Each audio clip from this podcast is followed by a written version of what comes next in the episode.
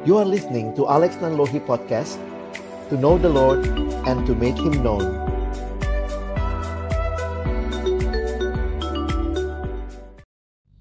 Halo teman-teman, ketemu lagi dengan kami berdua di Obrolan Santai. Iya dek, gimana nih kita lagi bicara tentang apa kali ini? Iya, kita bicara tentang virus, Bang. Enggak lah Iya. ya. Tapi kita dalam masa-masa wabah virus nih ya, Bang ya. Mm-mm. Nah, ini kalau dari awal eh dari eh, kasus pertama yang ada di Indonesia itu kan awal-awal Maret ya kalau nggak salah ya, Mm-mm, mm-mm. mulai ketahuan. Ya udah kira-kira sebulan kali ya. Mm-mm. Nah, masa-masa sebulan ini udah banyak nih yang bertanya-tanya kapan ya selesai, Hmm. ini akan seperti apa nih ke depan. Banyak yang khawatir, belum lagi dengan kondisi Mm-mm. perekonomian, ini ke depan kayak gimana gitu Dan ya. juga ada ini ya, yang kasih prediksi ini bakal mungkin lebih lama dari yang dipikirkan atau Iya. yang diperkirakan gitu ya. Apalagi kalau kita nggak patuh begini gitu ya, Iya. eh tetap kumpul-kumpul, makan Hmm. makin susah Hmm. gitu ya. Ya, lalu kemudian kayak ketakutan tuh udah mulai Hmm, kayak hmm. menghinggapi gitu ya. Eh, semua orang pada beli hand sanitizer, lalu Mm-mm. kemudian ya pada banyak lah. Ya itu kan bagian dari ini ya, meresponi bagaimana meresponi, iya. bagaimana men- mencegah atau menjaga Iya. kesehatan ya. Tuh, tapi kadang-kadang kekhawatiran dan ketakutan berlebih itu loh bang ya, Oh, iya. agak-agak membuat kita kayak jadinya lumpuh, nggak bisa ngapa-ngapain dan Hmm. gimana ya bang ya, akhirnya kayak kehilangan pengharapan gitu. Hmm. Nah, jadi hari ini malam ini mungkin bagus juga kalau kita bicara tentang pengharapan. Pengharapan. Gimana? tuh? Iya ya, eh, karena aku ngelihat gini ya, eh, kalau orang nggak punya pengharapan itu sebenarnya orang yang paling malang di dunia. Hmm, hmm, hmm, hmm. Jadi yang ada yang bilang gini, yang paling malang di dunia itu adalah orang yang menderita. Tapi menurutku justru orang yang nggak punya pengharapan yang paling malang. Hmm, hmm. Karena untuk orang yang punya pengharapan, Hmm, hmm. menderita pun dia rela Iya, iya, karena iya, ada iya. pengharapan gitu. Karena dia tahu ada ah. ujungnya gitu ya. Sementara kalau orang tanpa pengharapan, wah itu akan menyedihkan banget hidupnya. Jadi kalau aku pikir sih itu bukan bagian yang apa ya, yang sekadarnya dalam Mhm. hidup, tapi itu harus kita miliki dan tentunya kita mau pengharapan kita yang teguh, Mhm. yang pasti. Kalau ngomongin pengharapan tuh gimana sih bang? Maksudnya Mm-mm. eh, pengharapan berarti ada yang diharapkan gitu ya. Mm-mm. Gitu. Nah eh, kadang-kadang apa yang diharapkan yang penting atau mengharap kepada siapanya nih bang?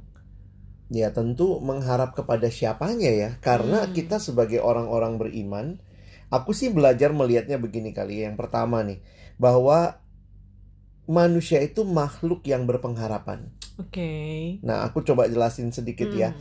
Kita itu hope-based creature Mm-mm. Jadi makhluk yang memang didesain, dicipta Nah pertama nih oleh Allah Oke. Allah yang mencipta kita, Allah memberikan kepada kita juga eh, apa ya relasi. Oke. Jadi Allah yang menciptakan kita adalah Allah yang berelasi dengan kita dan karena Allah yang berelasi dengan kita maka manusia itu pada awalnya pada dasarnya adalah makhluk yang harusnya terhubung dengan penciptanya. Hmm. Nah, memang ya masalah dosa di kejadian tiga itu yang membuat kita terpisah. Tetapi kalau kita lihat lagi bahwa manusia adalah makhluk yang diciptakan Allah untuk berelasi dengan dia, maka manusia akan menikmati kepuasan sejati di dalam penciptanya, Oke. bukan di dalam ciptaan. Mhm. Demikian juga kalau manusia dicipta untuk berelasi dengan Allah menemukan kepuasan dalam pencipta, maka berarti manusia itu adalah makhluk yang harusnya eh, menaruh harapannya kepada penciptanya. Oke. Nah, Harapan pada jadi- penciptanya ya. Kembali ke pertanyaan tadi, manusia harusnya mengharapkan apa atau siapa? Ya, Oke. kepada penciptanya harusnya I see. kepada eh, sang pencipta. Jadi kalau dipikir-pikir secara natur nih ya, Dek, Mhm. bahwa manusia itu pasti punya pengharapan. Hmm. Memang kita mendengar ada istilah dia nggak punya harapan, dia tidak berpengharapan. Tetapi waktu aku pelajarin lebih dalam, ternyata semua orang pasti punya Pengharapan. pengharapan. Oke. Ya, cuman masalahnya dia lagi menaruh pengharapannya ini kepada Siapa? siapa?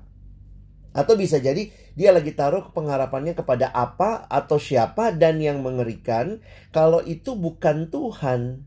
Jadi kita menaruh pengharapan kepada hal-hal yang salah Mhm. yang sebenarnya tidak bisa memberikan jaminan dan kepastian. Gitu. Hal-hal yang salah tuh biasanya apa tuh, Bang?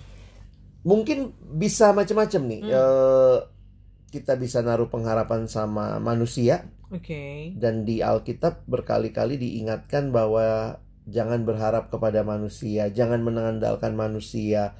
Lalu ketika misalnya Israel menghadapi peperangan, jangan mengandalkan kereta perang, kuda-kuda. Tuhan mau mengatakan bahwa semua itu memang dibutuhkan untuk perang, tapi andalan kemenangannya itu bukan dari itu, tapi dari Oke, Tuhan. oke. Jadi aku ngelihat ya pertama sih manusia berharap kepada manusia lain. Mungkin kita berharap kepada ya bisa macam-macam nih. Hmm. Dalam masa-masa Situasi gini gimana sulit nih, Bang? begini nih, Hmm. kita bisa berharap kepada bos kita, ke- masih dapat kerja nggak ya? Kita masih berharap kepada customer kita. Hmm. Apakah mereka masih beli produk yang memang sekarang ini makin susah? Beberapa restoran aku dengar tutup Iya. beberapa apa rumah makan dan maksudnya juga eh, hotel gitu ya itu itu semua memang jadi jadi sangat blur gitu ya sangat bingung gitu kita mungkin menaruh pengharapan kepada orang yang kita pikir bisa membantu dan memang dalam realitanya Tuhan juga bisa mengirimkan orang-orang Iya, untuk bisa membantu pakai ya, kita bisa Ah, ah. pakai orang-orang Tapi- itu ya. Mungkin yang Tuhan mau kita belajar lebih dalam adalah sebenarnya pertolongan itu pada dasarnya datangnya hanya dari Tuhan. dari Tuhan. Iya. Jadi itu dari orang, bisa juga dari barang-barang, dari benda. Hmm. Jadi bukan hanya dari siapa yang salah, tapi juga dari apa. Uang misalnya. Hmm. Termasuk juga aku mikir gini ya, walaupun ini eh, ini bukan me- bukan menghakimi, Iya, oke. tapi mungkin bicara begini, ketika eh, orang menimbun barang, Hmm. menimbun makanan, sebenarnya bisa jadi dia berharapnya kepada makanan. Hmm, oke. Bukan berarti, jadi Tuhan juga mengajar kita planning, Yes. coba rencanakan, coba Hmm. persiapan. Tetapi ketika akhirnya kita jadi ketakutan, lalu itu jadi andalan kita. Kalau ini nggak ada, kayaknya gue nggak bakal hidup. Sehingga akhirnya manusia lupa Hmm. bahwa andalannya bukan manusia lain, bukan uang, Hmm. bukan makanan, bukan barang, bukan jaminan asuransi, tapi sebenarnya harapan itu dari Tuhan sendiri. Oke. Jadi sebenarnya kaitannya cukup erat ya antara eh, siapa yang kamu harapkan dan siapa yang kamu andalkan. Mm, mm. Itu bukan dua hal yang terpisah, Terpisah, banget gitu ya, ya. tapi itu bisa menjadi satu realita bahwa eh, Ketika kamu mengharapkan, Iya. kepa- ketika kamu berharap kepada hal itu bisa Hmm. jadi karena itulah yang jadi andalan Betul. kamu gitu ya. Ya, makanya ya, ada ya, kalimat begini deh, bahwa krisis itu sebenarnya menolong kita atau bukan menolong lah ya. Krisis itu menunjukkan siapa sebenarnya atau apa sebenarnya yang menjadi andalan kita. Oke. Apa yang menjadi harapan kita. Mhm. Jadi memang dalam situasi seperti ini ketika orang mulai mengeluh, Mm-mm. mulai bertanya, mulai banyak ketidakpastian, nah itu memang nggak enak banget. Iya, banget banget sih emang. Hmm, mesti tinggal di rumah berhari-hari nggak ke mana-mana juga rasanya gimana gitu ya. Iya, benar. Dan tapi pertanyaan paling dasar adalah di dalam semua situasi ini apa sih yang sebenarnya kita tetap pegang, Hmm. teguh dan andalkan? Oke. Apakah Tuhan? Dan kalau memang Tuhan, maka tentu kita dikasih hikmat untuk merencanakan. Yes. Kita dikasih hikmat untuk membeli Hmm. secukupnya. Kita dikasih hikmat untuk bagaimana kreatif nih. Gimana Hmm. nih kalau income nggak masuk nih? Maka putar otak mungkin. Pikir sesuatu. Dan aku pikir ini jadi cara Tuhan untuk menolong kita juga untuk waktu kita mengandalkan dia. Tuhan pun bisa memakai berbagai hal untuk menolong kita. Iya, benar benar benar. Berarti sebagai manus makhluk lah ya yang Hmm. pastinya eh, punya pengharapan masalahnya adalah kadang-kadang bukan apa yang kita harapkan tapi yang paling penting tuh kepada, Kepada siapa, siapa? kita mengharapkan hal itu gitu ya nah dalam masa-masa kayak begini nih bang Mm-mm. bukannya berarti nggak boleh dong kalau kita berharap bahwa kita eh, tanda kutip eh, besok kalau bisa gitu ya Mm-mm. eh, semuanya ini berakhir Berakhir. boleh dong ya berharap kayak begitu ya Boleh dong. nggak apa-apa ya jadi berharap Mm-mm. tuh bukan hal yang salah gitu ya Nah, itu gimana? bukan hal yang salah. Nah, tapi ini menarik nih ya. Hmm. Aku aku lagi merenungkan ada satu Hmm. kalimat yang cukup menggelisahkan aku belakangan ini. Sebenarnya kalimat ini jadi kayak paradoks. oke Mengatakannya begini. Bahkan di dalam Tuhan waktu kita bicara harapan, Mm-mm. dia mengatakan kalau semua hal di dalam hidup itu pasti, maka apalagi yang harus jadi harapan kita? Oke, Berarti pengharapan itu sesuatu hal yang mungkin belum terjadi, Mm-mm. belum pasti terjadi, tapi kita eh, sebenarnya merindukan itu terjadi gitu kan? Iya. Dan poin-poin yang aku coba tangkap dari kalimat ini justru di situlah makin terlihat jelas kita Mm-mm. ini sedang punya harapan atau jangan-jangan nah ini juga nih kita bisa jadi bukan berharap sama orang kita berharap sama diri kita sendiri Oke. aku sanggup menyelesaikan ini Hmm. Nah, aku ketemu beberapa teman yang bertanya nih ya dalam masa-masa seperti ini. Misalnya dia bilang, "Bang, aku tuh orang yang sangat pasti. Mhm. Aku pl- planningnya tuh jelas banget. Udah tahu dua bulan ke depan apa yang Oke. mau dilakukan." Situasi ini membuat gue bingung. Hmm. Kayak semua nggak bisa gue kontrol. Jadi aku waktu mikir-mikir begini, jangan-jangan juga orang yang sulit atau menaruh harapan pada hal yang salah, sebenarnya sedang berusaha menjadikan dirinya harapan itu. Oke. Jadi poinnya begini kali deh ya. Mhm. Ini boleh setuju boleh Iya, enggak ya. iya. Tapi biarlah kondisi yang tidak pasti ini menolong kita tetap memegang andalan kita yang utama yaitu Tuhan dan Tuhan tahu apa yang terbaik meskipun kita mungkin nggak bisa tahu apa sih yang Hmm. terbaik sekarang bahkan kita masih dalam ketidakpastian tapi justru karena kita sedang dalam ketidakpastian itulah kita selalu butuh harapan Benar. jadi jangan-jangan kalau semua hal sudah pasti, kita jadi ngerasa apalagi yang diharapin. Benar, benar. Jadi itu itu benar-benar apa ya perenungan yang belakangan ini menolong aku untuk melihat bukannya akhirnya kita senang dengan ketidakpastian, tidak ada yang senang dengan ketidakpastian. Tapi kalau semua itu pasti, jangan-jangan kita udah jadi Tuhan. Oke. Jangan-jangan kita udah nggak butuh harapan lagi. Tapi di sinilah mau menolong kita, apalagi waktu kita lihat ya, orang mati begitu banyak setiap Hmm. hari yang meninggal, yang mengalami sakit. Makin sadar iya ya, manusia Mm-mm. sepintar apa, sekaya apa, Sesehat eh, apa pun. sesehat apa pun, nggak bisa ngandalin dirinya, Iya. bahkan ngandalin orang lain. Kita mendoakan nih ya para medis ya, eh, dokter, perawat yang ada di garda Mm-mm-mm. depan gitu. Mereka orang-orang yang yang kita juga mungkin mengandalkan mereka, tapi jangan lupa kita tetap mesti membawa mereka dalam doa. Kita andalkan Tuhan yang menolong mereka, memberikan kekuatan. Kalau begitu kan tadi kan ngomongin itu jangan sampai kita berharap kepada hal yang salah. Mm-mm. Tapi ada nggak sih atau eh, ada nggak sih ber, eh, pengharapan yang salah? Bukan berharap kepada yang salah ya. Kalau itu kan jelas ada. Mm-mm. Tapi pengharapan yang salah PHP atau gitu. mengharapkan mengharapkan yang salah. Aku pikir begini juga ya, namanya pengharapan itu adalah sebuah proses perjalanan iman. Oke. Sama lah kayak anak kecil, waktu Mm-mm. dia masih kecil mungkin ngarepinnya pokoknya eh, libur tiap hari Oke. misalnya. Iya. Kenapa? Karena dia merasa itu yang terbaik. Tetapi orang tua yang baik tahu bahwa bukan itu harapan yang terbaik. Oke. Jadi menurutku begini, bisa jadi dalam harapan-harapan kita Mm-mm. Mari kita bawa setiap waktu kepada Tuhan tentunya. Jadi kalaupun kita punya harapan, ya mungkin ya itu kalau ulang tahun make a wish gitu. What is your wish gitu. Tetapi seiring berjalannya waktu, seiring bertambahnya pemahaman kita terhadap firman Tuhan, seiring perjalanan rohani kita makin dekat dengan Tuhan, biarlah harapan kita tuh makin sama dengan apa yang Tuhan mau.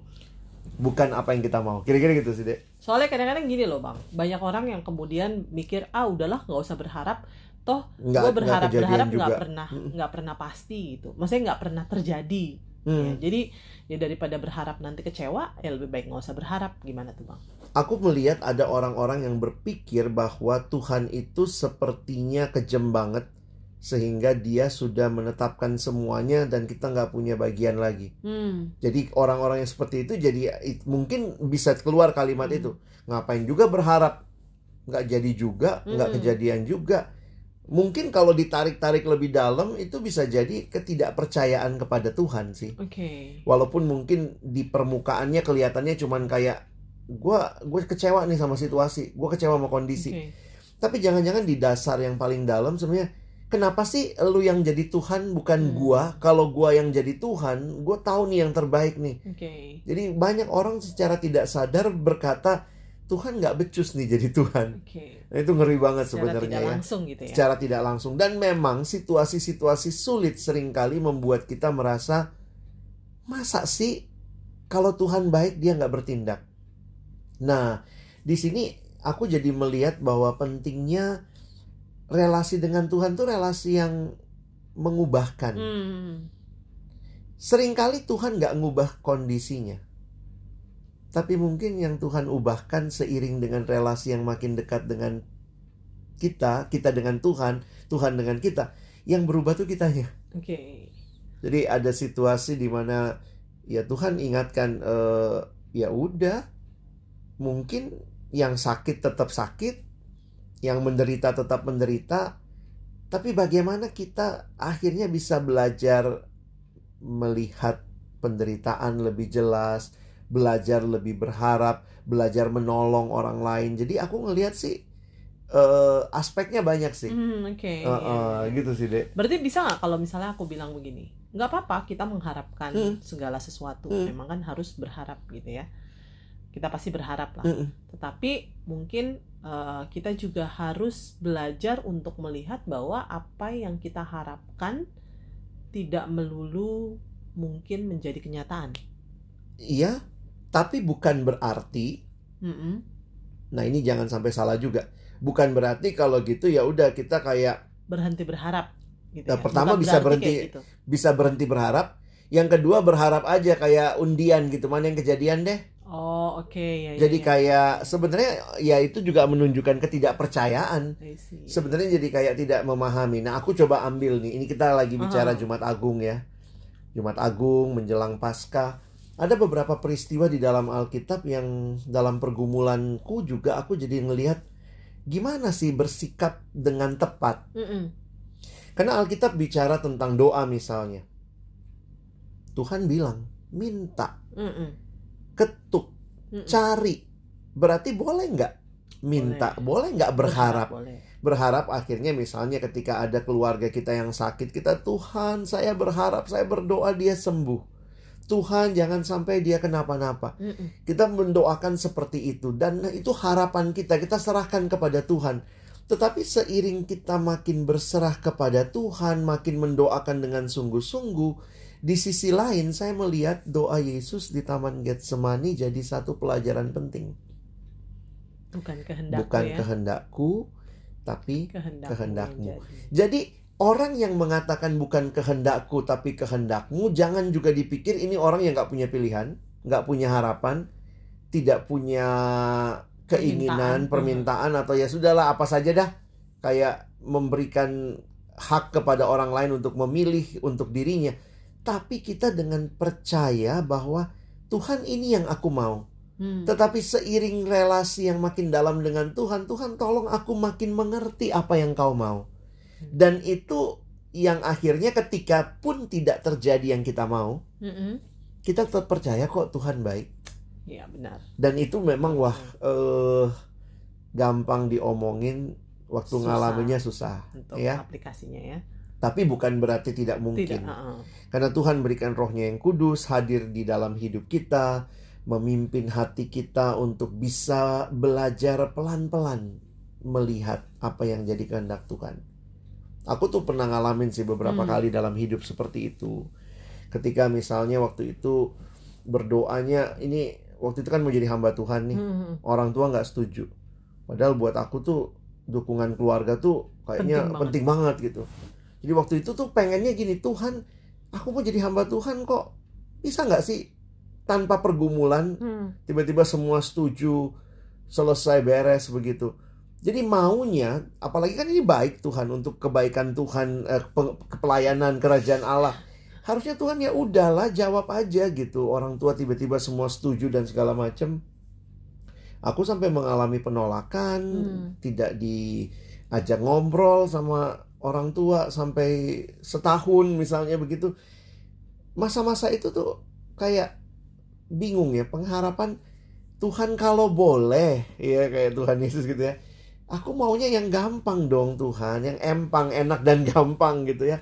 Tapi Tuhan kayak mau mengingatkan no I know better for you. Yang Tuhan mau bentuk adalah karakterku untuk Hmm. Jadi hamba Tuhan juga nggak gampangan kira-kira aku belajarnya memaknai apa yang terjadi waktu itu adalah demikian Oke. jadi iya, iya. akhirnya ngelihat bukan berarti nggak punya pengharap. pengharapan tidak ada harapan sama sekali tetapi harapan itu pun juga dibawa dalam doa sehingga ingat kata Yakobus beberapa kali doa tidak dijawab karena itu bisa jadi hanya memuaskan Hawa nafsu. hawa nafsu kita keinginan kita tapi kalau Tuhan jawab mungkin berbeda sama yang kita pikirkan Tuhan sedang mau bentuk kita Oke. Berarti sebenarnya kalau dipikir-pikir Mm, bahwa sebagai makhluk yang eh, berpengharapan Hmm. nggak masalah berpengharapan, teruslah berpengharapan. Iya. gitu ya. kepada Tuhan ya tentunya ya Nah, poinnya adalah kepada siapa kepada berharap, siapa ya. berharap Ya, jadi Mm-mm. apa pun yang kau harapkan ya kepada siapa kau berharap itu yang paling penting gitu ya. Dan karena itu kalau kita tahu kita berharapnya kepada Tuhan, kita terus datang kepada Dia. Iya. Dan waktu datang kepada Dia kita nggak ngotot, Yes. tetapi kita benar-benar makin belajar mengerti Tuhan. Biarlah bukan kehendakku yang jadi, tapi Kehendak. kehendakmu. Dalam masa-masa kayak begini nggak apa-apa kita harus berdoa berharap semuanya. Aku sih berdoanya eh, Tuhan segera. segera. Beberapa kali aku WA teman-teman misalnya gitu ya, aku langsung bilang, aku berdoa, kita berdoa ya supaya Tuhan segera pulihkan. Mm-mm. Tapi kita nggak tahu kapan kan. Iya. Bagian kita ya kita lakukan Ter- Terus berharap dan jangan lupa berharapnya kepada kepada Tuhan. Oke Oke. deh bang. Nah ini gitu. aku mau tutup dengan satu kalimat gitu ya yang berapa eh, dulu berkesan Iya. juga. Kalimatnya mengatakan our hope. Mm-mm. Ini buat kita orang percaya. Our hope is not on someone or something, Aha. But only on God. Ya, eh, someone-nya bukan someone manusia Ah. gitu ya. So our hope is a person. I see. Jadi pengharapan kita adalah Tuhan. seorang pribadi, Tuhan Tuhan. sendiri, Tuhan yang ciptain kita, Tuhan yang memiliki hidup kita, Tuhan yang pasti punya rencana yang indah bagi kita. Mari kita nikmati pembentukan Tuhan dengan terus punya harapan. Oke, Ya, Segitu benar dulu ya. Our hope is God. Gitu is kali ya Oke, dibilang. jadi kiranya ini boleh menolong teman-teman untuk Iya. bisa terus berharap kepada Tuhan dalam situasi sulit ini. Oke, Oke. sampai ketemu teman-teman. Ya, Tuhan berkati. Bye.